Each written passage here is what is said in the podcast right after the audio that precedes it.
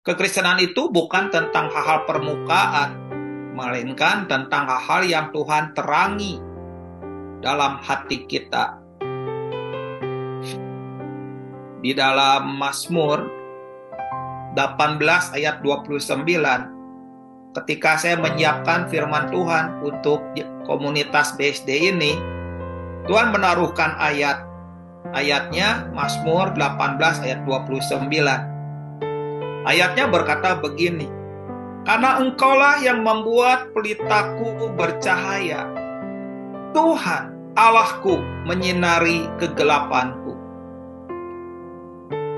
Sisi Tuhan membuat pelita kita bercahaya. Itu sisi Tuhan. Sisi kita adalah mempunyai pelita. Pelita yang ada sumbunya, pelita yang ada minyaknya, itu sisi kita.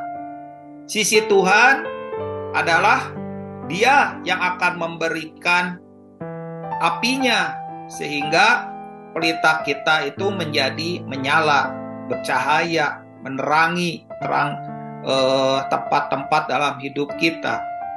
Setelah pelita kita menyala, maka lihat Tuhan akan bergerak dalam hati kita maka Tuhan akan menyinari kegelapan kita